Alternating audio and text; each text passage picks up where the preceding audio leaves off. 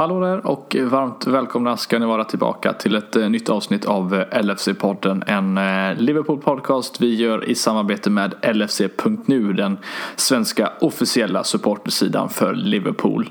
Vi är nu inne i matchday 10 av Premier League-säsongen 1920 och ja, matchen mot Tottenham som spelades söndagen den 27 oktober kommer vi lägga fullt fokus på att snacka ner i det här avsnittet och så kommer kommer vi även snacka upp inför Carabao Cup som spelas på onsdag på Anfield när Arsenal gästar Liverpool. Eh, häng med så tar vi detta och eh, lite där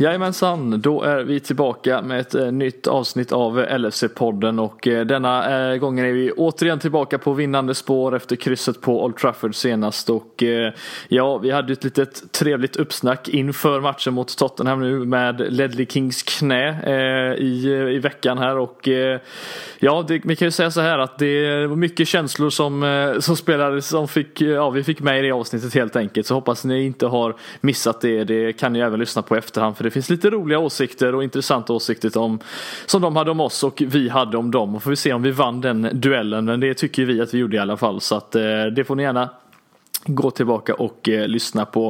Eh, det här avsnittet kommer ju så sagt snacka Tottenham-matchen som spelades igår och även snacka upp lite inför Arsenal Carabao Cup på onsdag. Men jag ska inte göra det ensam utan jag tar med mig Christian Andersson idag och eh, ja, välkommen Christian. Hur, eh, hur mår man så här dagen efter en, en sån här massiv vinst som vi hade igår?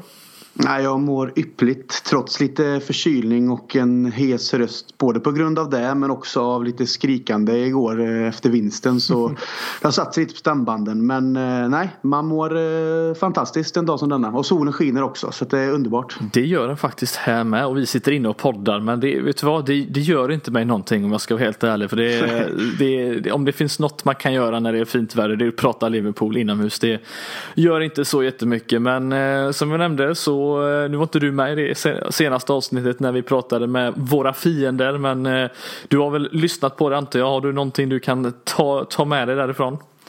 Vann vi duellen ja, för övrigt? Ja, ja, absolut. Utan, utan något snack. Det var, inga, det var ingen match egentligen. Det var, det var lite som, eh, jag vet inte man måste dra för paralleller men det kändes lite som att de, de låg på knä hela tiden. Där, Nej men eh, helt seriöst så eh, först initiativet och idén till hela upplägget tycker jag är jättebra. Det var Robin som drog tag i det hela och kontaktade dem förstår jag det och de var ju sugna så det, det är ju jätteroligt att det blir så och sen inför att det skulle spelas in och sen lanseras så var jag nästan som ett barn på, på julafton. För det är ändå lite det bryter ju lite själva mönstret att vi sitter och pratar om det även om vi tycker det är jättekul och jag antar att våra lyssnare uppskattar det vi gör ändå liksom. Det är därför vi ändå har många lyssnare på, på varje avsnitt som följer det vi, det vi pratar om när det kommer till Liverpool. Men det är kul att som sagt bryta mönstret och jag lyssnade på det och tyckte det var jätte, jättebra. Så har man inte lyssnat på det så som Fredrik sa innan så tycker jag att man ska gå tillbaka och lyssna på det för det är väldigt intressant. Och sen så hoppas jag givetvis att vi kan fortsätta på, det, på den inslagna vägen och kanske komma upp med att prata med andra eh, motståndarfans framöver också oavsett i vilket sammanhang. Om det är så att de har en podd eller en grupp eller vad det nu än är. För att jag tycker att det blir en intressant diskussion. Det är både, det är både seriösa sidor men det är också lite ironi och lite banter emellan. Och, och det skapar ju en viss känsla och jag tycker att det var, var jättebra. Så nej, det var riktigt eh, snyggt jobbat. Ja, det var kul. Det, det, det tar vi med oss när vi går vidare. Och eh, Ja, som sagt Tottenham-matchen ska vi ju lägga fullt fokus på här. Det som spelades igår eh, ja, eftermiddag kväll får det bli. Och eh, eh, vi fick ju se ett Manchester City, Krille, dagen innan få med sig en 3-0, ja en komfortabel 3-0 vinst mot Aston Villa och satte ju lite press på oss återigen och folk började ju redan snacka om att Liverpool potentiellt kunde bottla det med, med att tappa poäng hemma mot, mot Tottenham men så många gånger eh, tidigare så visar vi ju på Anfield att vi är riktigt, riktigt starka. Fortfarande inte förlorat det på väldigt många matcher. Eh, och ja, varför sluta nu när det går så bra? Nej, nej. Alltså att City gör det jobbet det kanske man någonstans tror att de kommer göra. Jag gick ju själv och såg att det stod 0-0 ett bra tag och tänkte att fan, det kanske finns att de håller emot Aston Villa men eh, inte. Och det är väl kanske fullt förståeligt med. City är ändå City. De jagar oss, de sätter press på oss. Men på något sätt kan jag gilla det också för det får oss att vara på tårna och det såg vi inte minst i, igår då mot Tottenham. Och eh, vi rullar på. Vi eh, står egentligen för kanske den bästa insatsen under den här säsongen. Och det säger ju en del också eftersom att vi, vi fortsatte obesegrade. Har vunnit alla matcher förutom en då, som krysset mot United borta. Eh, vilket är ett kryss i en match som man normalt sett alltid tar. Sen att vi hade kanske chansen på ett annat sätt mot United sett till deras läge att ta full pott. Paul Trafford det är en annan, liksom en annan diskussion som vi redan tagit också. Men att vi ändå kommer tillbaks på den här vägen mot ett Tottenham som kanske var revanschsugna efter Champions League-finalen och den förlusten de fick där och att de haft en, liksom en en, en trögstartad säsong sett i ligan också. Så att eh, de hade ju mycket att vinna på det. Och eh, ja, vi kom in på det hur det började och det fortsatte också. Men jag tycker att vi står för antagligen vår bästa insats den här säsongen i Premier League. Mm. Ja, det finns ju både statistik och som sagt känslan också som, som styrker upp det där på något sätt. Och, ja, vi, ska, vi ska ta det lite kronologisk ordning men vi kan väl ta och börja i alla fall med snacket inför det här med att Tottenham kommer eh, från att ha slått Röda Stjärnan då som sagt i Champions League med, med 5-0 och eh, kommer in med vad man skulle tro i alla fall ett litet stärkt eh, förtroende men eh, vi kommer in till den här matchen egentligen inte med så jättemånga förändringar. Vi fick ju se Matip fortfarande borta och Lovren komma in men annars Krille så var det ju Klopps eh, Ska vi kalla det favoritelva? Eh, det är väl det det är mer eller mindre. I alla fall go-to-elva när det gäller sådana här matcher. Och eh, på förhand kändes det som att vi kunde fått med en Keita eller en Oxlade som gjorde det så bra mot eh, Genk borta i Champions League. Men eh, han gick tillbaka till sin traditionella trea där med Henderson, Wijnaldum och Fabinho. Var det ja, så här med facit i hand, känner du att det var rätt sätt att ta, ta sig an den här matchen eller hade du önskat att man skulle vara lite mer eh, modig och ta ut, eh, ja, sätta in någon av de två mittfältarna som gjorde det så bra? Det var ju inte överraskande att det var den elvan, precis som du säger. Men eh, jag tycker väl att det hade kunnat finnas utrymme för till exempel Keita. Eh, just för att han har den där kreativiteten i sig och drivet framåt med boll eh, och länkar upp bra. Men, och jag tyckte väl egentligen, och vi kommer komma till det med, men efter att Tottenham gjorde Eh, det snabba målet och de tio minuter därefter så tyckte jag liksom att det såg lite statiskt ut på mittfältet. Visst, vi hade kanterna väldigt tidigt, det märkte vi. Men jag tyckte att mittfältet inte riktigt eh, eh fick fast eh, liksom bollarna och, och, komma framåt på det sättet som man kanske önskade. Så jag kände att fan, kanske man behöver göra ett byte rätt tidigt för att börja hitta nya vägar. Men eh, Eh, ja, mittfältet jobbade sig mer och mer in i matchen och då tyckte jag att det planade ut och då, då kände jag att det här kommer funka ändå. Mm. Ja, om, man, om man säger så här då, lite, jag vet att jag har ju varit på Henderson och, och hackat rätt mycket på honom under, under säsongen och tidigare. Vissa gånger kanske mer rent rättvist och andra kanske lite mer orättvist. Men eh, om man tar hans prestation bara generellt så här att eh, lagkapten som, eh, som kommer in efter då Keita gjort det här fantastiska matchen mot Genk samma med Oxlade Chamberlain. Fabinho vet vi redan är, han är ju liksom fast i den här startelvan. Vi kommer komma in lite på honom snart också. Eh, men sättet, han har ju en bedrövlig första halvlek. Eh, det får vi ändå säga. Det var inte mycket som stämde, eh, stämde överens där i alla fall i början första 20-25.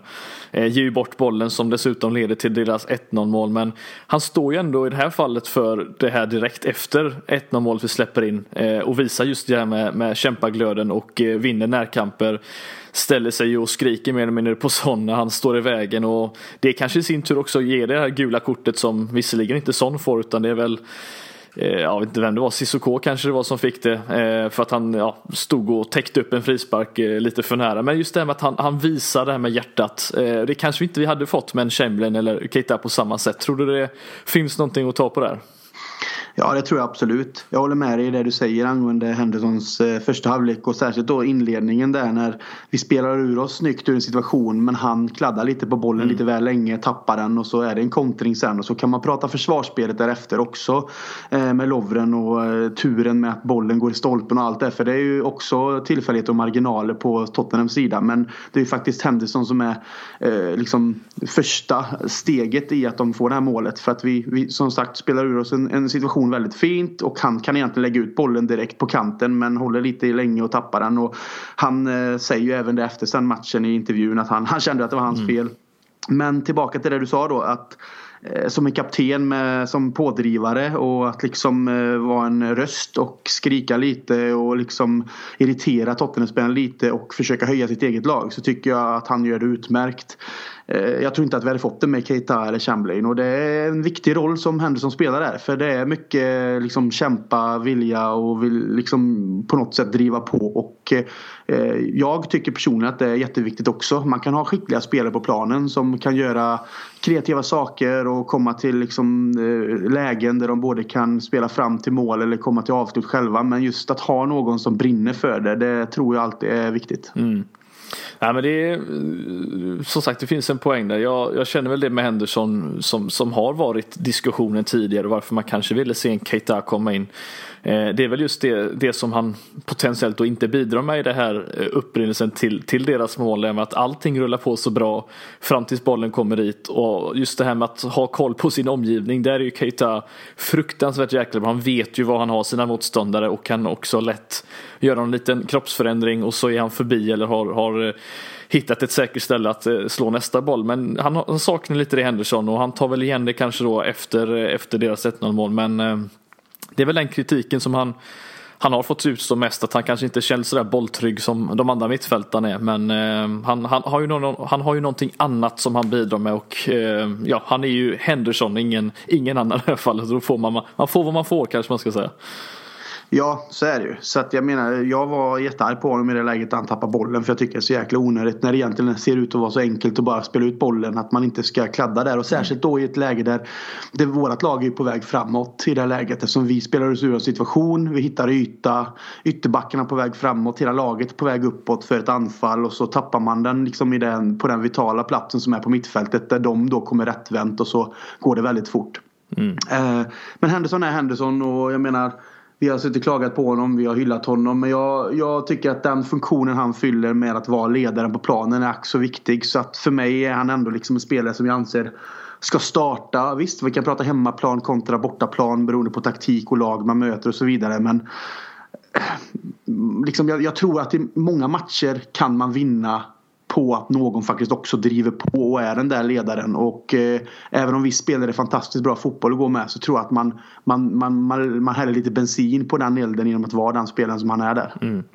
Ja men vi får ju ändå säga att det, det är ju en, som du sa en, en match där vi gör en det, det, är en stark prestation. Jag, jag kallade efter matchen, skrev jag på min Twitter och, och, sa att det var mer ett, ett alltså a powerful performance. Alltså mer, alltså det var verkligen ett, liksom en, en styrk, ett styrkebesked att vi tryckte ner motståndarna. Vi spelade inte alltid jättefint. Vi hade inte jättelätt att skapa chanser ja, för en första halvtimme eller slutet eh, av, av första halvleken där. Men det var en sån där mästarinsats när vi verkligen tryckte ner motståndarna och vi åker ju på ett tidigt, tidigt mål. Eh, ingen kanske förväntar sig alls att det skulle se ut sådär. Jag tror, om jag har min statistik rätt Krille, så har det bara hänt två gånger tidigare under Liverpools Premier League historia då vi har släppt in ett mål inom loppet av en minut på Anfield. Och det är, så det är inte jättevanligt. Vi brukar ju vara väldigt starka där. Men sättet som vi trycker ner Tottenham efter deras 1-0 mål. Vad, vad, vad, säger du om det? Alltså var det, kände du att det, det, nu, nu kommer den här pressen eh, igen som vi är så bra på på Anfield. Men eh, vad, vad gjorde vi annorlunda för att trycka ner dem känner du? Jag kände att vi, vi gav dem egentligen inte chansen att etablera någonting. Jag tyckte att vi hade en bra press. Vi spelade vårt spel. Vi var mentalt starka efter att eh, liksom få en i baken så pass snabbt. Någonstans gå tillbaka till matchen som att det stod 0-0 egentligen. Det är lite den, det är den känslan jag fick. Vi, vi jagade 1-1 men eh, samtidigt så kändes det inte stressigt och vi skapade tillräckligt många chanser för faktiskt vi, vi hade så pass många chanser att vi hade kunnat göra 1-1 i första halvlek mm. också. Mm. Deras målvakt gjorde ett, ett par fantastiska räddningar. Det var ett Salah-avslut när han var uppe och fångade Feminos eh, retur där och också på. Det var en nick från van Dijk och så vidare. Nu kommer jag inte ihåg om detta var första halvlek eller andra ja, det var första halvlek. Men i alla fall så är det många chanser där jag tycker att vi hade kunnat göra 1-1, 2-1 och till och med 3-1 med lite marginaler. Nu ska jag inte säga att alla bollar går in men chanserna fanns där. Mm. Och eh, Målvakten storspelare faktiskt i vissa stunder. Han gjorde jättebra insats och det var ju lite frustrerande att se också för jag kände liksom att ah, vi behöver få in ett eh, tidigt mål här så att vi kan liksom återgå till att bara liksom kanske känna lite lugn men fortsätta mata på för att då vinna matchen. För ju längre första halvlek led desto eh, liksom tydligare blev det att Liverpool kommer liksom inte att släppa det här. Vi kommer göra ett mål. Det handlar bara om att få, få det målet gjort så att vi sedan kan gå och vinna matchen. Det var min känsla. Så frustrationen låg ju faktiskt att få in det här 1-1 målet då. Mm. Nej, det var ju som sagt en, en period, jag tror det var mellan 25 och 31 minuten något sånt där. Och vi hade sex skott varav fyra på mål och 92 procents bollinnehav eller var det. Något, något i den stilen och Tottenham lyckades med en passning under den perioden och det var ju då vi som sagt Mané hade ju en miss eh, på en nick där också som kanske, eller han kanske han borde gjort bättre, kanske i alla fall fått den på mål. Men som sagt det kändes väl lite då Krille som att det här, ah, någon gång ska vi ju ha den här förlusten kanske på Anfield och förlusten i ligan och det kändes nästan som att nu, på något sätt kände man att nu kommer den men ändå någonstans djupt där inne så kände man att ja, vi kommer nog ändå vända på detta. Man kände sig ganska säker på att ett mål i alla fall skulle ske eh, i, i, andra halvleken och eh, den hann ju knappt börja innan Tottenham var nära på att göra 2-0. Vad, vad har vi att säga om den situationen? Det är ju en, en passning från Gazzaniga som går rakt upp till, till Son som, ja, vi får säga en missbedömning av Lovren så in i bomben men eh, ja, 2-0 där och då känns det ju inte lika, lika säkert att vi faktiskt tar poäng i den här matchen.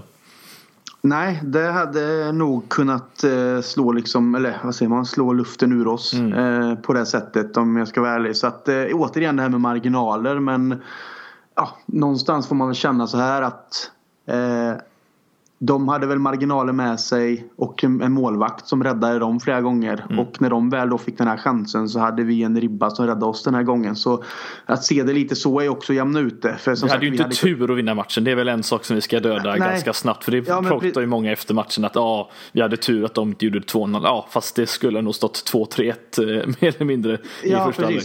Det är precis det jag menar. Liksom, mm. att vi skapar så många chanser när deras målvakt då eh, storspelar på ett annat sätt. Att det hade kunnat ramla in en, två, tre bollar för oss redan och då hade vi till exempel då haft istället då kanske 2-2 eller 3-2 om man ska se det så. Om nu, nu gick det en ribba ut och vi hade marginalerna med oss. Så att eh, nej, eh, vi vann ju inte på tur utan vi eh, dominerade ju matchen eh, liksom egentligen från att de gjorde 1-0 målet så var det egentligen bara ett lag på planen som försökte att vinna.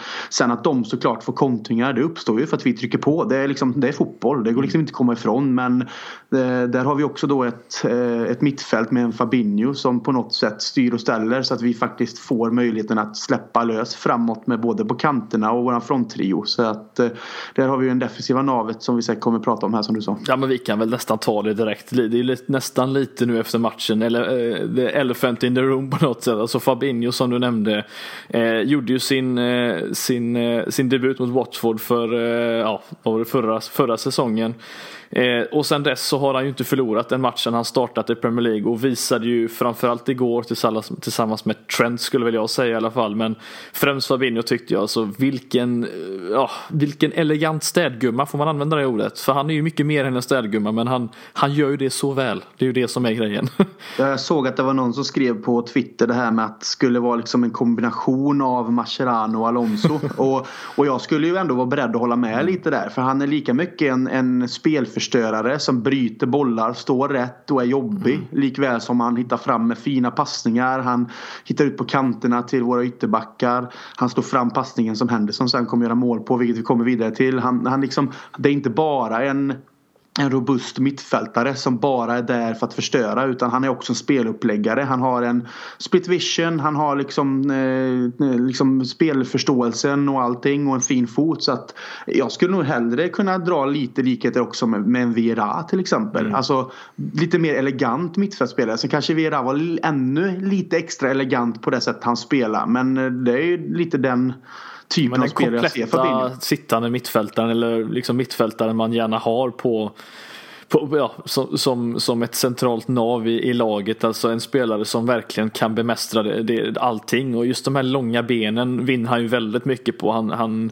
stödbröt ju, bröt ju igår flera passningar som kunde lett fram till något anfall för, för Tottenham. Och just att han står för den där avgörande passningen fram in i boxen också. Det är, han är så mycket. Eh, det är ju det som är fantastiskt och det var ju helt rätt av Klopp eh, nu med facit efterhand att vänta lite med hans debut. Han kom ju liksom inte riktigt in i direkt i Liverpool när han kom till klubben men eh, har ju efter dess som sagt tagit jättestora kliv och jag sa ju för några avsnitt sen, kanske var flera månader sedan att i mitten av när vi har gått fem matcher kanske eller något i den stilen att det är den bästa spelaren på, på hela säsongen för oss. Och det, är väl, det har ju inte ändrats någonting fem matcher senare ungefär. Nej, alltså han skyddar ju sin backlinje fenomenalt och på det sättet han bröt eh, Tottenhams försök till uppspel igår från mitten är ju alltså det, han är världsklass och eh, över hela liksom, Twitter igår sett till den insatsen han stod för så stod det liksom att just nu är han världens bästa på den positionen och det är ingenting att ens tveka på liksom. Det, så som han spelar fotboll och liksom har gjort det senaste sen han egentligen befäste sin plats och har vuxit från, från liksom den eh, stunden till fram till nu så har egentligen aldrig varit en dålig insats utan det har bara blivit bättre och bättre och, och nu ser man verkligen vilken, vilken spelare vi, vi, vi tog till Liverpool från, från Monaco och han är väl egentligen om man ser till när man pratar ryggrader och sånt inom fotboll så menar vi har en Alisson, van Dijk, Fabinho, Firmino egentligen om man mm. ser till ryggraden och det är en fruktansvärt fin ryggrad att ha i ett lag och nej, han är väl kanske den första tillsammans med de två, tre andra då eh, som eh, Klopp eh, sätter på, ett, liksom på pappret när det kommer till de här matcherna. För mm. det,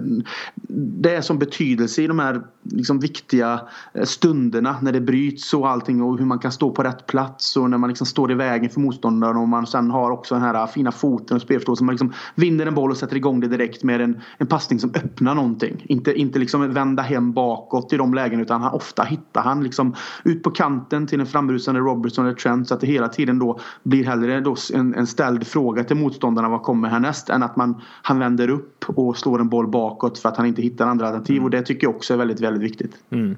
Nej precis, han, han, han utgör så mycket mer än bara den här typiska ställgumman som sagt. Det, det är kul att se honom ta det klivet. Nu sitter vi väl och väntar på att Keita kanske ska göra samma sak för jag gissar väl att Klopps tanke var att det skulle eh, bli samma sak för honom men nu har ju skador kanske förstört eh, att han eh, har fått ta det här steget. Men eh, den tiden kommer väl.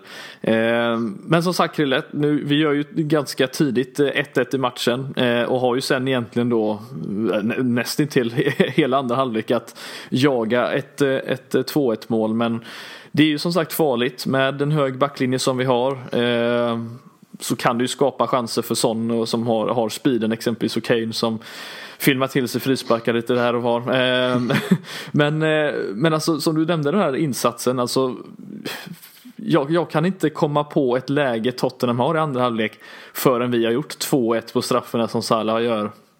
Och vi faktiskt byter in ja, Gomes och Milner och gör det lite mer defensivt. För det är då först, först då Tottenham börjar skapa chanser. Innan dess, trots vi hade gjort mål, så hade de inte mycket att komma med. Nej, under den perioden där så eh, kände de egentligen aldrig orolig utan det handlade mest om bara när gör vi 1-1 för att skapa utrymme att vinna matchen. Mm. Det var det som var frågan. Liksom. När får vi in den jävla bollen? När eh, får vi hål på målvakten som storspelar och sen därefter hur mycket tid har vi då för att gå och vinna matchen? Det var min känsla. Det här var liksom ingen fråga om att då kryssa eller, eller förlora utan jag kände mer att det här liksom kommer gå att vända på. Det handlar bara om ja, vilken tid vi får att göra det på. Där avgörs ju allt. Men det är som du säger, eh, Fabinho slår fram en fin passning till Henderson som slår in den med, med vänstern till och med. Smalbenet. ja, men han gör, det ändå, han gör det ändå bra tycker jag. För han ja, får ja, ner fel bollen. Fot för, också.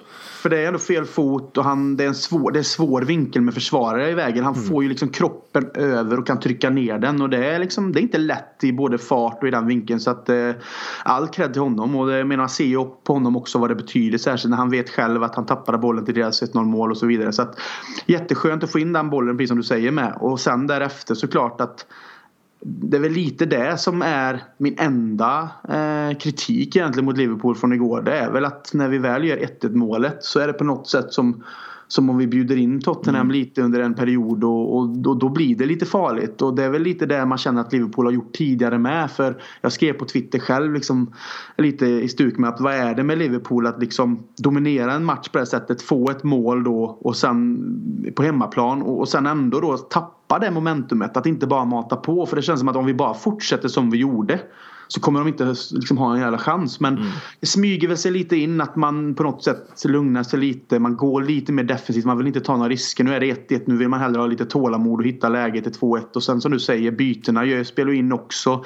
Det förändrar lite i, i, matchplanen kanske. Det är inte samma typ av spelare på vissa positioner och så vidare. Så det, och sen eh, ja, Tottenham hittar väl kanske lite i det också då och, och hittar några lägen. Men men därefter så tycker jag ändå att vi någonstans tar tag i det igen och så blir det väl egentligen samma matchbild eh, nästintill. Mm.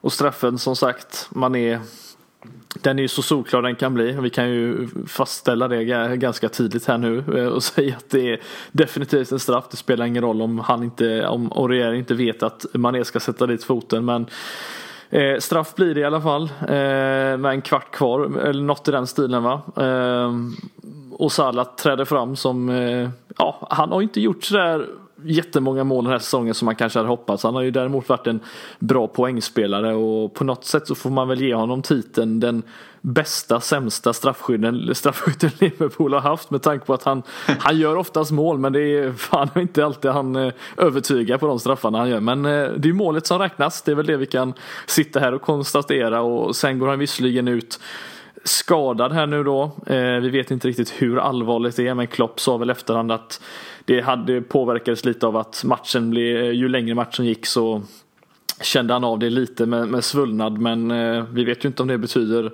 att han är tillbaka eh, mot, eh, i nästa match eller om han är borta två eller tre veckor som han var senast. Men vi får ju hoppas såklart att det inte är eh, så allvarligt. Men eh, ja vad ska vi säga? En match där visserligen en av de tre träder fram men när inte alla gör det då är det viktigt att man har mittfältarna som även även träder fram och gör mål och nu har ju Lalana Krille räddade ju poäng förra matchen och nu är det Henderson som gör det viktiga 1-1 målet. Det är två hackkycklingar som står för mycket viktiga mål eh, under säsongen hittills. Vad, eh, vad har vi att säga om det? Är det truppbreddens styrka här nu?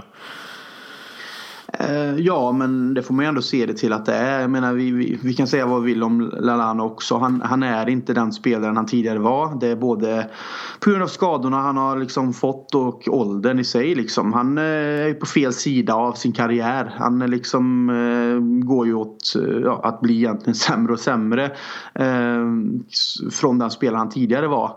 Men jag menar så som han ändå kommer in och spelar mot United så tycker jag att han gör det jättebra och han han, eh, man, man, man, sitter ju där när han kommer in och tycker att nej för fan. Och det är ju liksom Det är så det är bara. Det är bara för att man har blivit så van att vi har sådana nivåer. Så. Men samtidigt så kommer han in och gör sina vändningar. Han eh, hittar flyt i spelet och sen är han där och gör målet. Och då får man liksom bara ställa sig upp och applådera mm. och av med hatten. Det är inte mer med det. Och det är samma sak med Henderson här från att vara den som tappar bollen till deras, första, till deras 1-0 mål och sen eh, då eh, liksom bara jobba sig tillbaka. Glömma det egentligen och bara fortsätta kämpa till att då göra 1-1. Ja, det är också hatten av för det är en mental styrka och det liksom visar ju också liksom vilken, vilken typ av spelare han är. Så att eh, när sådana spelare också träder fram när det inte riktigt kommer den målskörden från, från anfallstrion som vi har blivit vana med. Ja, det är väl jätteskönt att det faktiskt dyker upp lite mål då från mm. andra håll och, och det är ju liksom bara att omfamna.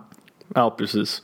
Och det gör det ju såklart också lätt för dem att, att som sagt göra de här målen när man har Visst nu var det Fabinho som stod för framspelningen men eh, vi ska inte glömma att nämna ytterbackarna men kanske främst eh, Trent i den här matchen som Ja, var det en av hans absolut bästa matcher eh, offensivt i alla fall för, för Liverpool han har haft eh, på länge. Han är ju väldigt stabil normalt sett att stå för sina assist men nu var han, fick han lite kritik efter matchen av Gary Neville som påpekade en hel del eh, misstag defensivt som kunde ha lett till ett poängtapp igår. Jag tänker ju främst kanske på läget som eh, Rose får i slutet av matchen. Han eh, sticker in på, på sin vänsterpla, vänsterbacksplats och nästan, ja inte nästan men det gick ju långt utanför men hade ju ett, ett starkt läge. Vad, vad har vi att säga om Trent egentligen? Alltså nu är han ju fortfarande ung, han har mycket att lära sig och i och med gårdagens eh, match så har ju han skapat flest målchanser i Europas topp 5-ligor. Bara ett fler visserligen än Kevin De Bruyne, men han är ju mittfältare och det vet vi alla hur,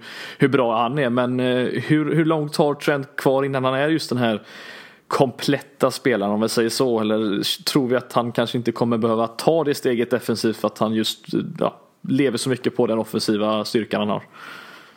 Ja, alltså jag tror defensiven och, och, att liksom finslipa den biten av sitt spel. Jag tror att det hela tiden kommer, alltså både med ålder, erfarenhet. Men någonstans känns det som att det är ju offensiven och att vara på alerten framåt som är både för Robertson och Trent och sen att Robertson kanske är lite mer en, en, en, en mer präglad defensiv Han är en bättre liksom. ytterback liksom. om man pratar allround. Alltså han är ju mer slipad på ja. både offensiven och defensiven om man säger så. Precis och det, är ju kanske, det kanske kommer lite från att Trent också egentligen från början är en innermittfältare liksom. Alltså han är ju, har ju spelat det från ungdomsleden upp till, till U-lagen och sen reservlaget. Det är ju egentligen när han får chansen i A-laget laget som han inte har kunnat kanske ta en plats på mittfältet och då sätts på en ytterback för att han har någonting. Och jag menar jag, jag håller ju med i det som Carragher säger att det är som att ha en De Bruyne fast på högerbacken och det är väl en av de finaste komplimangerna man kan få sett till den spelaren som De Bruyne är när det kommer till poängspel och att vara ett nav på ett mittfält för City.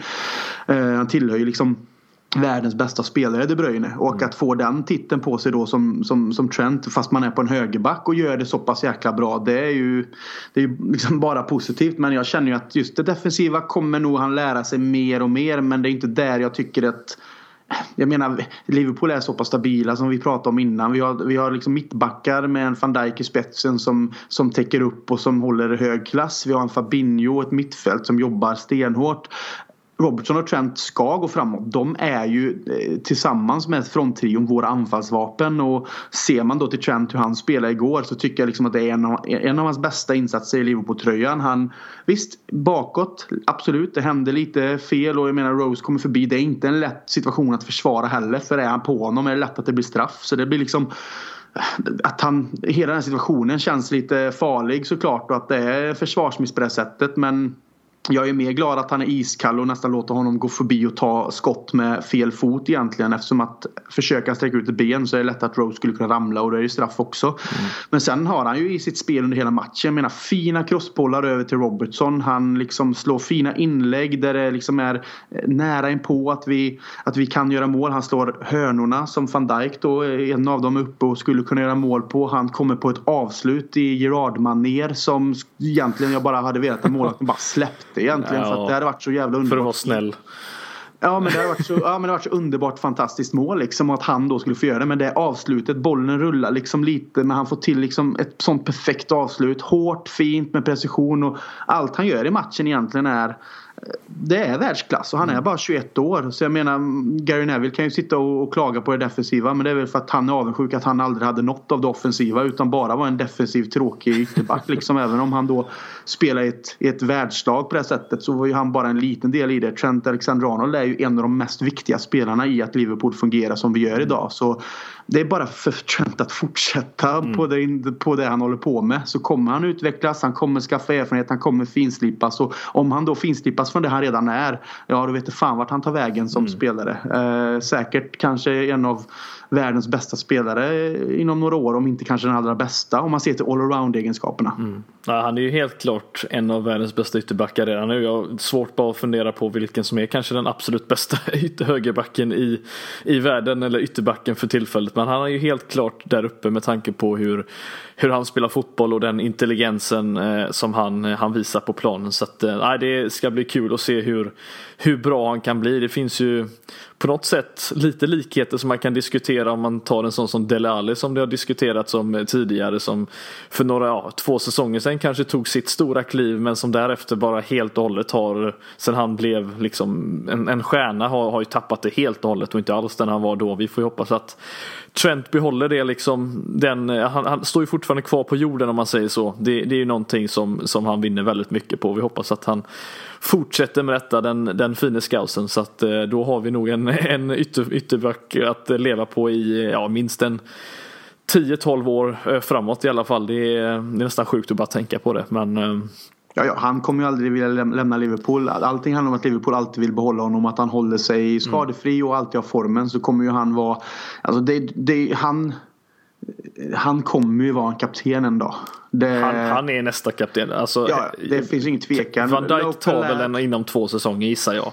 Det är inte helt omöjligt. Nej, nej. Men framöver liksom sen efter det. Liksom, oavsett så är liksom, det en local lad med anknytning till Liverpool. Han är mogen redan nu. Han eh, är ett föredöme för unga spelare. Han bevisar med sitt spel att han håller den här höga kvaliteten som en av världens bästa ytterbackar just nu. Eh, så jag menar det är liksom bara att bida sin tid och sen kommer antagligen den där binden och hamna mm. hos honom ändå. Och då det är ju det han vill. Det har han gått ut med också. Han vill vara kapten för Liverpool fotbollsklubb och han, det är ett, ett, ett, av hans eh, stora mål och jag ser inte att det, det, är några problem att det händer så länge han fortsätter så här. Nej, precis. Nej, han känns inte direkt som någon som skulle lockas av tre miljoner i veckan till Real Madrid av någon anledning. Ja, det är inte många spelare som skulle säga nej till det men han känns ändå som, som en, eh, alltså han vill verkligen stanna det och vi hoppas att han som sagt gör det också. Det men som sagt, det finns många år fram att podda Krille, när vi kan prata om hur bra han har blivit och när han är lagkapten möjligtvis. Men eh, vi kan väl som sagt säga så här att en fantastisk insats eh, slutade med tre poäng. Eh, jag såg lite intressant statistik efter matchen också som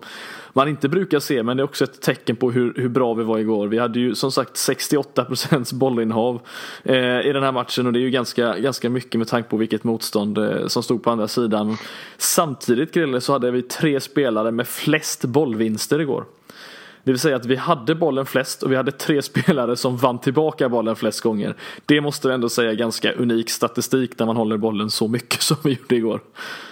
Ja det är fantastiskt och det säger också en del om insatsen liksom. Mm. Att, uh, man, ser man till det och man blickar tillbaks på allt som skedde framför ens ögon igår när man tittar på matchen så fanns det egentligen bara ett lag på planen. Från att Tottenham gjorde sitt mål till att vi går och vinner matchen.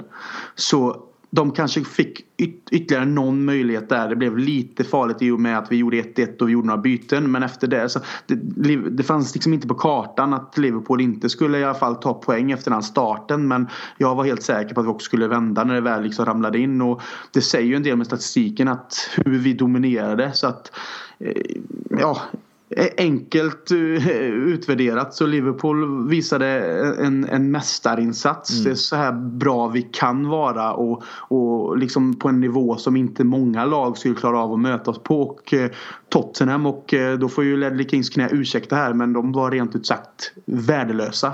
De hade liksom inte egentligen en chans i matchen. Sen att man kan göra ett mål och att de chanserna är chanser. Men just överlag, över hela plan så var de helt sönder ja, spelade och hade inte en chans någonstans. Där var vi dominanta över hela planen. Mm. Så att eh, det får nog Tottenham syna sig själva och kolla liksom hur, hur de ska komma tillbaka. För eh, just nu så tillhör de ja, det, är liksom, det är inte alls på den nivå som vi lärde oss av Tottenham eh, under förra säsongen. Både i ligan ett tag och sen i Champions League och de säsongerna kanske tidigare. Nu känns det som att de har tappat, tappat många nivåer. Mm.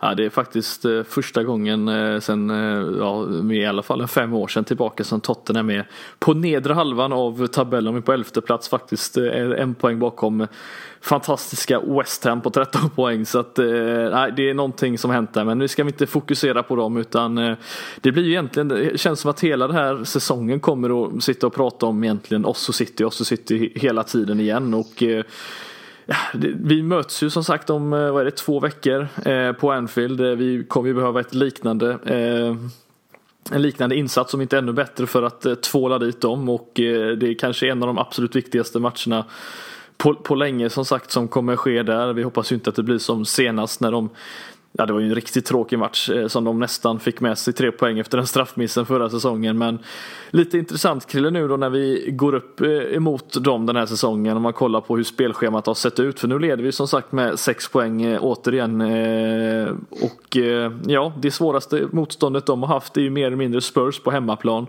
Eh, som de fick med sig 2-2 efter den här valsituationen visserligen då. Men annars är det inte jättestora lag de har mött eh, den här säsongen. Vi har ju oh, haft betydligt tuffare. Vi har både haft Arsenal, United, Spurs, Chelsea och Leicester och vi har bara tappat två poäng uh, av alla de här tio första matcherna. Och det är, alltså, hur långt ska det här bära egentligen?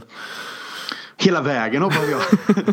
Nej men det, jag håller med i det du säger. Det är intressant också för det visar ju också hur vi har vuxit genom att ta poängen mot de här lagen eh, som är så kallade toppkonkurrenter. Nu vet vi att det är kanske just liksom vi och City som är absoluta toppen. Men till exempel Chelsea med Lampard nu har börjat hitta form. De har börjat vinna. Nu säger jag inte att de kommer komma ikapp men de kommer att ligga liksom bakom eh, i toppen i alla fall. Om man ska mm. eh, se det så. Och jag menar nu hade Arsenal problem, problem igår också. De, de, de känns inte stabila överhuvudtaget. Och, men att ändå plocka poäng i de här matcherna. För många lag höjer ju sig i stormatcher också. Vi vet ju det. Vi ser ju bara när vi nu mötte ett mediokert och ett United på bortaplan där vi för första gången kände att här egentligen är vår stora chans att hålla dit dem men det ville sig inte riktigt. Och det, det kanske har med matchens storhet att göra. Liksom förväntningarna, pressen och allting runt omkring och allt uppsnack och så vidare. Det, det är inte konstigt att det kan smyga sig in lite i huvudet på spelare och klubben i sig liksom. Men,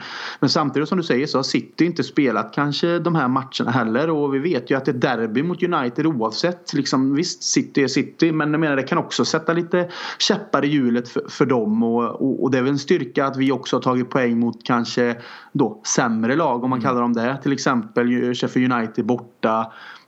För jag tänkte på det också att man ser till att vi gör en mästarinsats igår rent spelmässigt och dom, dominansmässigt mot Tottenham hemma och, och, vänder en match där vi får ett, ett tidigt eh, mål i baken men sen dominerar och vinner så är ju det en mästarinsats samtidigt som eh, Sheffield United borta anser jag också vara en mästarinsats på det sättet att vi spelar inte bra. Vi var inte alls på den nivå vi vet mm. att vi kan men vi lyckas ändå komma undan med med tre poäng. Och det är väl det som gör att det förhoppningsvis kan hålla hela vägen. Att vinner vi båda den här typen av matcherna genom att vara det här mentalt starka Liverpool eh, när det inte går så bra. Men också vara ett mentalt starkt Liverpool när vi spelar bra och hittar vägarna ändå till att vinna. Det är ju det vi någonstans inte har lyckats med under så många år tidigare. Vi kan mm. vinna mot toppkonkurrenterna och göra fantastiska insatser för att sen gå och förlora mot Fulham hemma, eh, Swansea och alla de här som har varit tidigare. Men det är ju det som känns som att det har slipats bort och det är ju det jag tror någonstans är en av de viktigaste aspekterna till att faktiskt gå och vinna Premier League med den konkurrensen som är med City idag. För de kommer inte tappa mycket poäng. Vi ser ju nu mot Villa, de, det stod 0-0 länge men sen när det väl ett mål ramlar in så känns det som att de bara tar över så,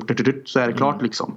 Och eh, det krävs av oss också för att hålla dem bakom oss. Men med det sagt, som sagt, för att återgå till det du började med. Så vi har mött eh, många av de kanske svåra konkurrenterna, tagit de poängen som behövs och City ska göra det. Så det är egentligen upp till dem i den frågan också då medan vi, vi får fortsätta rulla på. Mm. Ja, det är faktiskt så man eh, läser lite snabbt här. Så de åtta kommande Premier League-matcherna som Man City har och det sträcker sig egentligen hela vägen fram till eh, strax innan julafton. Så av de åtta så har de alltså de har oss på bortaplan. Eh, de har sen Manchester eh, i matchen efter har de Chelsea hemma. Eh, sen har de United och sen Arsenal och City, Leicester tre matcher i sträck egentligen. Så de har riktigt förlust, tuffa förlust, förlust, förlust. Man kan ju hoppas. Nej men de, de, nu, nu kommer den perioden då, då det faktiskt börjar bli riktigt, riktigt tufft för dem. Man kan ju nästan sitta sitta och drömma på något sätt att skulle vi lyckas på något sätt och, slå City eh, den, eh, den 10 eh, november och sen de börjar tappa poäng i, i, i, en eller två av de här kommande åtta matcherna mot de här topplagen. Då är, och vi ja, såklart får göra vårat jobb. Det är lätt att sitta och säga det men alltså, det, det är nu vi har potentiellt eh, möjlighet att faktiskt dra iväg om vi kan eh, vara riktigt stabila och eh, fokuserade. Så att, eh, nej, vi får väl se hur, hur City tar sig an detta. Vi får göra vårt jobb först och eh, det är som sagt eh, Aston Villa som kommer bli det nästa på bortaplan och ja, nu ser det väl till och med ut som att vi, ja, när vi satt och började spela in här så visade det sig att det inte riktigt var bestämt vilka de skulle visa på lördag. Vi har satt men eh, Ja, med Liverpool-skaran eh, i, i, i baken på Viasat så visar det sig att eh, ja, nu är det den här matchen som ska visas, Villa mot Liverpool. Så det, det går snabbt när Liverpool-fansen vill ha en match visad på, på tv. Det kan man ju helt enkelt... Sekten tar över och bestämmer tar helt över, enkelt. Precis. ja, nej, man kan ju säga att de tappar ju, det är klart att de får tittare på, på jag tror det var Arsenal Wolves, men eh, de tappar ju rätt många tittare om de väljer den för Villa mot Liverpool som för övrigt är två riktigt eh, klassiska Premier League-lag. Så att, eh, ja, det är skönt att vi, vi tog hem den vinsten också med Robin Bylund i täten som började att hacka på dem. Så att, det, det, det, ja, det ger resultat när man vill se Liverpool-matcher helt enkelt. Ja, man kan ju inte klaga på att, alltså någonstans här, man kan, jag, jag, kan inte personligen klaga på att de på, på något sätt vill få in andra lag nej, nej. för andra fans. Det har jag full förståelse för. Men precis som vi diskuterar här nu och jag vet att Robin skrev på Twitter med så är det Liverpool som är ligaledare och är i fantastisk form, spelar fin fotboll mot en nykomling då i Aston Villa men som är ett klassiskt lag med fin historia, bra fans, bra arena. Liksom, det är ett fint möte mm. och vattnas ju skulle jag säga om man bara liksom tar bort Liverpool-glasögonen eh, liksom från en själv och tänker matcherna. Liksom Arsenal, Wolves eller Liverpool, Aston Villa. Hur läget ser ut för klubb, alla de fyra klubbarna nu och var, det, var man är någonstans och allt det Så bara det, det, är ett enkelt val. Det ska inte ens vara diskussion tycker jag via satt. Det ska liksom sättas. Okej, okay, ligaledarna mot en nykomling. Kan nykomlingarna ställa till problem för, för ligaledarna? Eh, eh, blir det bra stämning på, på Villa Park och så vidare och så vidare. Så det är inga konstigheter. Utan eh, super av Bylund och alla andra som har skickat in in. Så nu kör vi bara. Ja, det låter alldeles utmärkt.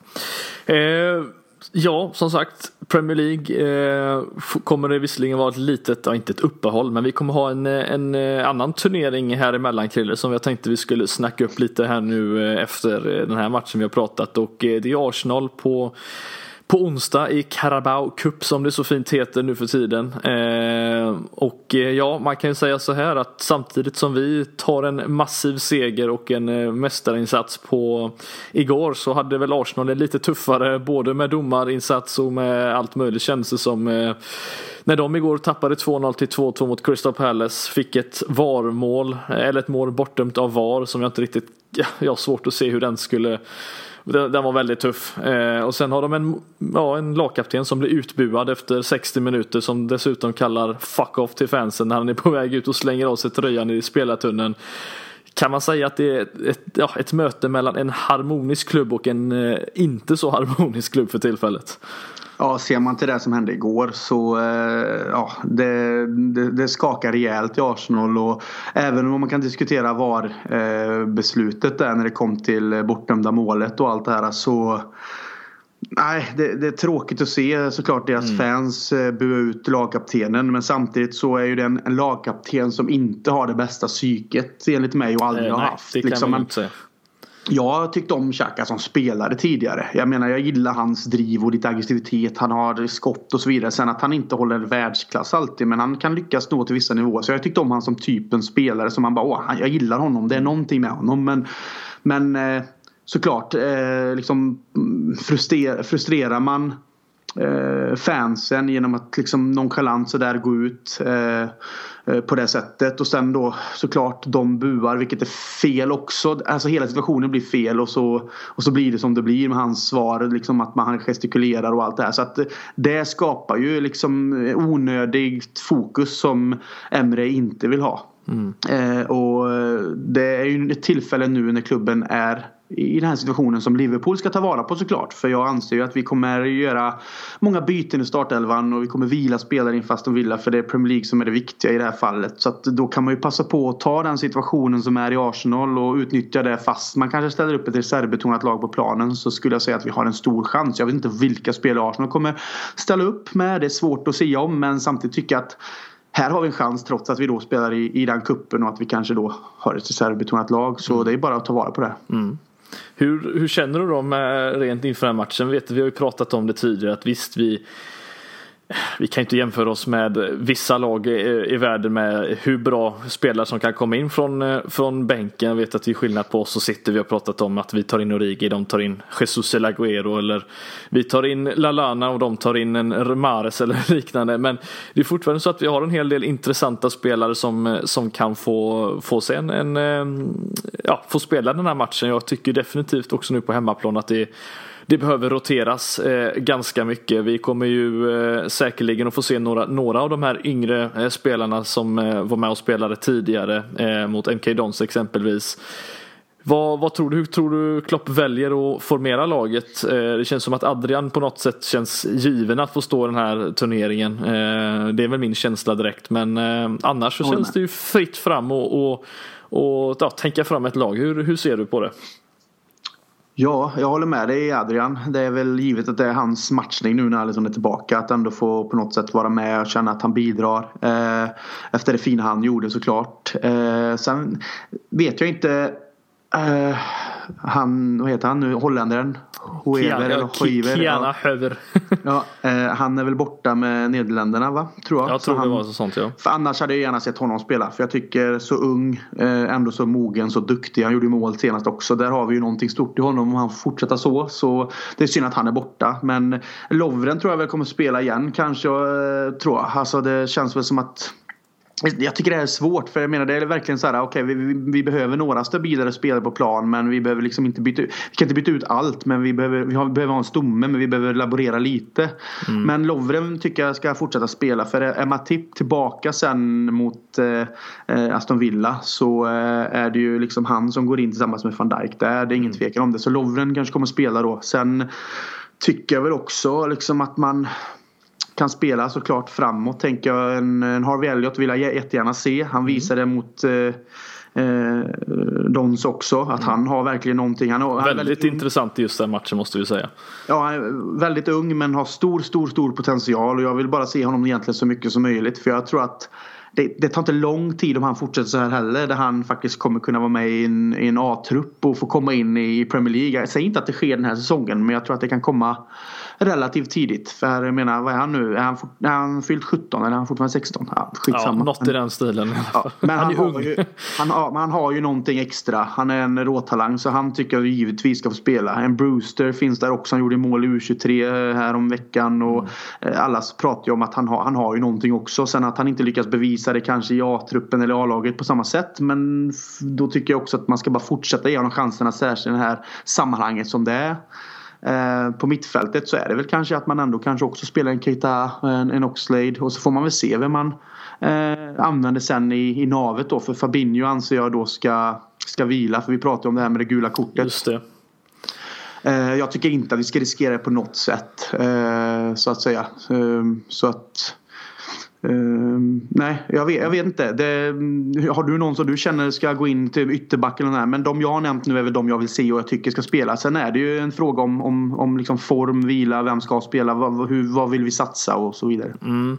Nej men alltså, jag, jag, känner väl att vi jag kunde inte brytt mig mindre vad, hur det går den här matchen. Jag känner väl snarare att jag är mer sugen på att bara få se vissa, ja, vissa spelare få en, få en chans helt enkelt. Eh, det är väl det som, som jag känner jag tycker definitivt att vi kan lufta några spelare den här matchen. Jag hade ju till exempel önskat att en Shakiri hade fått vara frisk så han hade, han hade definitivt fått spela en sån här match i så fall men det känns ju som att Chamberlain och, och Keita på något sätt eh, känns givna att få vara med i den här matchen med tanke på att de just inte spelar eh, i den här matchen och eh, jag tror ju absolut att en Lalana kan få möjlighet att få spela också. Det, vi såg honom på försäsong spela ja, sittande mittfältare. Det trodde man ju aldrig skulle få, få, få se, se någonsin. Men vi vet ju inte hur Klopp väljer att formera det här laget. Eh, om det blir exempelvis en, en Milner som kommer in där också. Eller om han tar en vänsterbacksposition exempelvis. Det är ju inte helt Origi är också omöjligt. spelare. Ja, men Origi, Origi kommer ju få starta. Det känns ju ganska, ganska säkert. Eh, mm. Så att eh, möjligtvis en Origi med en eh, antingen då en Chamberlain och Elliot på varsin sida och så kanske Lalana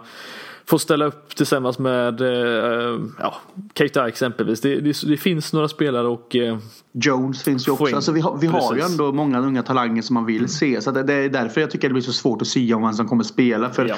vi har möjligheten att egentligen byta ut nästintill hela laget. Men ja. sen eh, vill jag återgå till dig. Jag vet inte, du får jättegärna reda ut åt mig. Mm. Men är det, är det liksom mot Villa som vi tänker att Fabinho ska stå över för att inte få ett gult kort och ja. avsteg mot City. Så är det yes, va? Så det, spelar ingen, det spelar ingen roll egentligen om man spelar mot Arsenal nu då.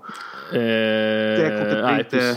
Nej, nu, vi ska se, vi ska nästan, eh, skulle vi nästan tagit, tagit reda på innan, lite osäker på de här olika reglerna. Men jag vet inte om det är två matcher han åker på och då blir det väl att han hade missat denna och eh, då blir det Villa och City i så fall. Jag är lite osäker men det ska vara osagt, det får vi ta, ta reda på. Men oavsett så behöver han alltså inte spela egentligen den här matchen kan man säga utan det är bättre att vila upp eh, honom eh, och eh, inte spela honom mot, eh, mot Villa känner väl jag också. Det finns tillräckligt bra spelare att kunna komma in i, i Carabao Cup och, och spela åtminstone. Men ja. Så ja, att, ja, känslan är väl i alla fall eh, som sagt att vissa spelare vill man få, se, få ge en chans här. Jag tycker absolut att det är kul att, att eh, om eh, Elliot och Brewster får spela en sån här match. Men framförallt så känner jag att Chamberlain och Keita på mittfältet så känns det som att det finns lite kvalitet även där och, och, och bidra med i alla fall. Det är väl, det är väl så min känsla är. Eh, sen får vi se hur Arsenal väljer att ställa upp om de eh, ställer upp ett starkt lag. Men jag tror väl att de också fokuserar på att ha så bra lag som möjligt eh, till, till ligan eh, till helgen därefter. Så att, eh, Ja, det är kul att vi kan sitta här och känna oss relativt eh, optimistiska och trevliga inför en, en sån här oviktig match på något sätt om man jämför med eh, ja, en liga, ligaseger mot Tottenham som ja, såklart är lite viktigare. Ja, ja och det, det jag tycker är kul med att man faktiskt kan eh, någonstans sitta och leka med tanken att eh, ett reservbetonat Liverpool ändå är tillräckligt bra för att kunna gå vidare i den här kuppen mot Arsenal. Om de såklart beroende på såklart de ställer ut ett starkare lag eller ett lite svagare lag men att vi ändå är så pass kvalitetsmässigt på en nivå med reservlagsspelarna att det ändå finns en stor chans. Jag menar, det är inte som förr när vi kände att okej, okay, vi ställer ut dem men det är liksom det, det är inte så eh, det är inte så mycket tittarvärde på det. Vi vet att de inte håller så bra nivå men just nu känns det som att vi liksom har ett reservlag där det finns många spännande spelare att titta på och att vi också kan ha någon erfaren spelare med i laget som inte riktigt är i A-laget. Till exempel en Lovren då som kan höja nivåer på det sättet. Så att helt plötsligt blir det jäkligt kul att sitta och titta på de här matcherna med en känsla att vi faktiskt också kan göra jobbet och det är ju någonting vi inte hade tidigare. Så att mm. eh, i den här kuppen jag har ju sagt det förr och säger det igen att jag vill ju vinna allt som Liverpool ställer upp i. Men full förståelse med att man såklart siktar på... Det vill jag med Krille. Ja men det är Premier League och Champions League som alltid är eh, liksom fokus. Men eh, jag menar kan våra reserver gå ut och göra ett jobb här och vi tar oss längre och längre så det är jättebra. Skulle vi åka ur så absolut. Tråkigt på ett sätt men inte hela världen helt enkelt. Mm.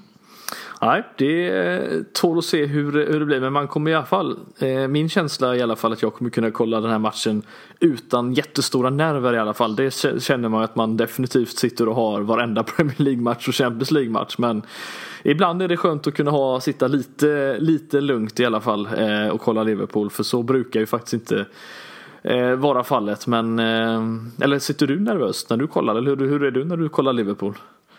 Ja, jag står upp. ja, ibland, det är lite olika faktiskt. Men mm. som igår eh, drogs jag väl med ett tag där och ställde mig upp och kände nerver just för att det blev den inledningen som det blev. Mm.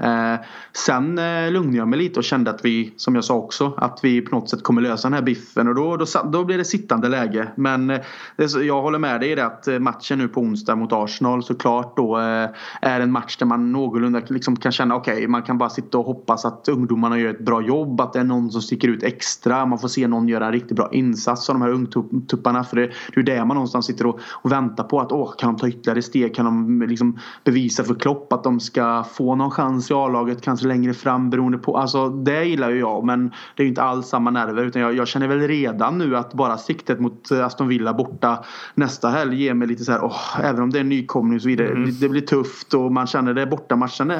Sen är det väl egentligen pessimisten i mig att man vi är ett fruktansvärt starkt lag men det är väl det här att vi ska ändå dit och göra jobbet och vi vet ju vad sådana lag kan ställa till med. med nykomlingar, liksom ingenting att förlora egentligen eh, på att spela mot Liverpool hemma och, och så vidare. Så att, och deras fans kommer dyka upp också. Jag har varit på Villa Park några gånger och det är alltid bra stämning. De är mm. riktigt bra på det sättet. Så att, där ligger mina nerver redan. Liksom Arsenal-matchen ligger bara någon grumlig gyttja och bara känner okej okay, det ska göras. Och sen bryr jag mig inte så mycket förutom att jag såklart vill att vi ska vinna. Men åker vi ut så är det inte hela världen och jag behöver inte sitta och må, må dåligt under matchen. Utan jag känner redan av det här. Okej okay, nu ska vi åka och ta de här tre poängen mot eh, Aston Villa innan vi sen ska möta City. Så det är så viktiga tre poäng där också. För att ta tre poäng innan City-matchen. Liksom. Så att, mm. eh, där ligger mina nerver nu redan. Ja, nej precis. Det samma sak här faktiskt. Så att, um, det ska bli kul i alla fall att se vart, vart, eh, vart det bär. Men vi kommer ju podda snart igen. Kanske inte du och jag möjligt, nödvändigtvis. Men uh, några av våra andra i skaran kommer ju sitta och prata om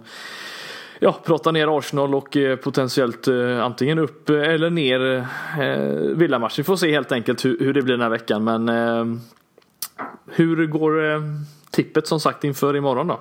Eller inför eh, onsdagsmatchen mot Arsenal? Uh, ja, jag säger att vi, vi, vi vinner med 2-1. Mm. Håller inte nollan idag då heller?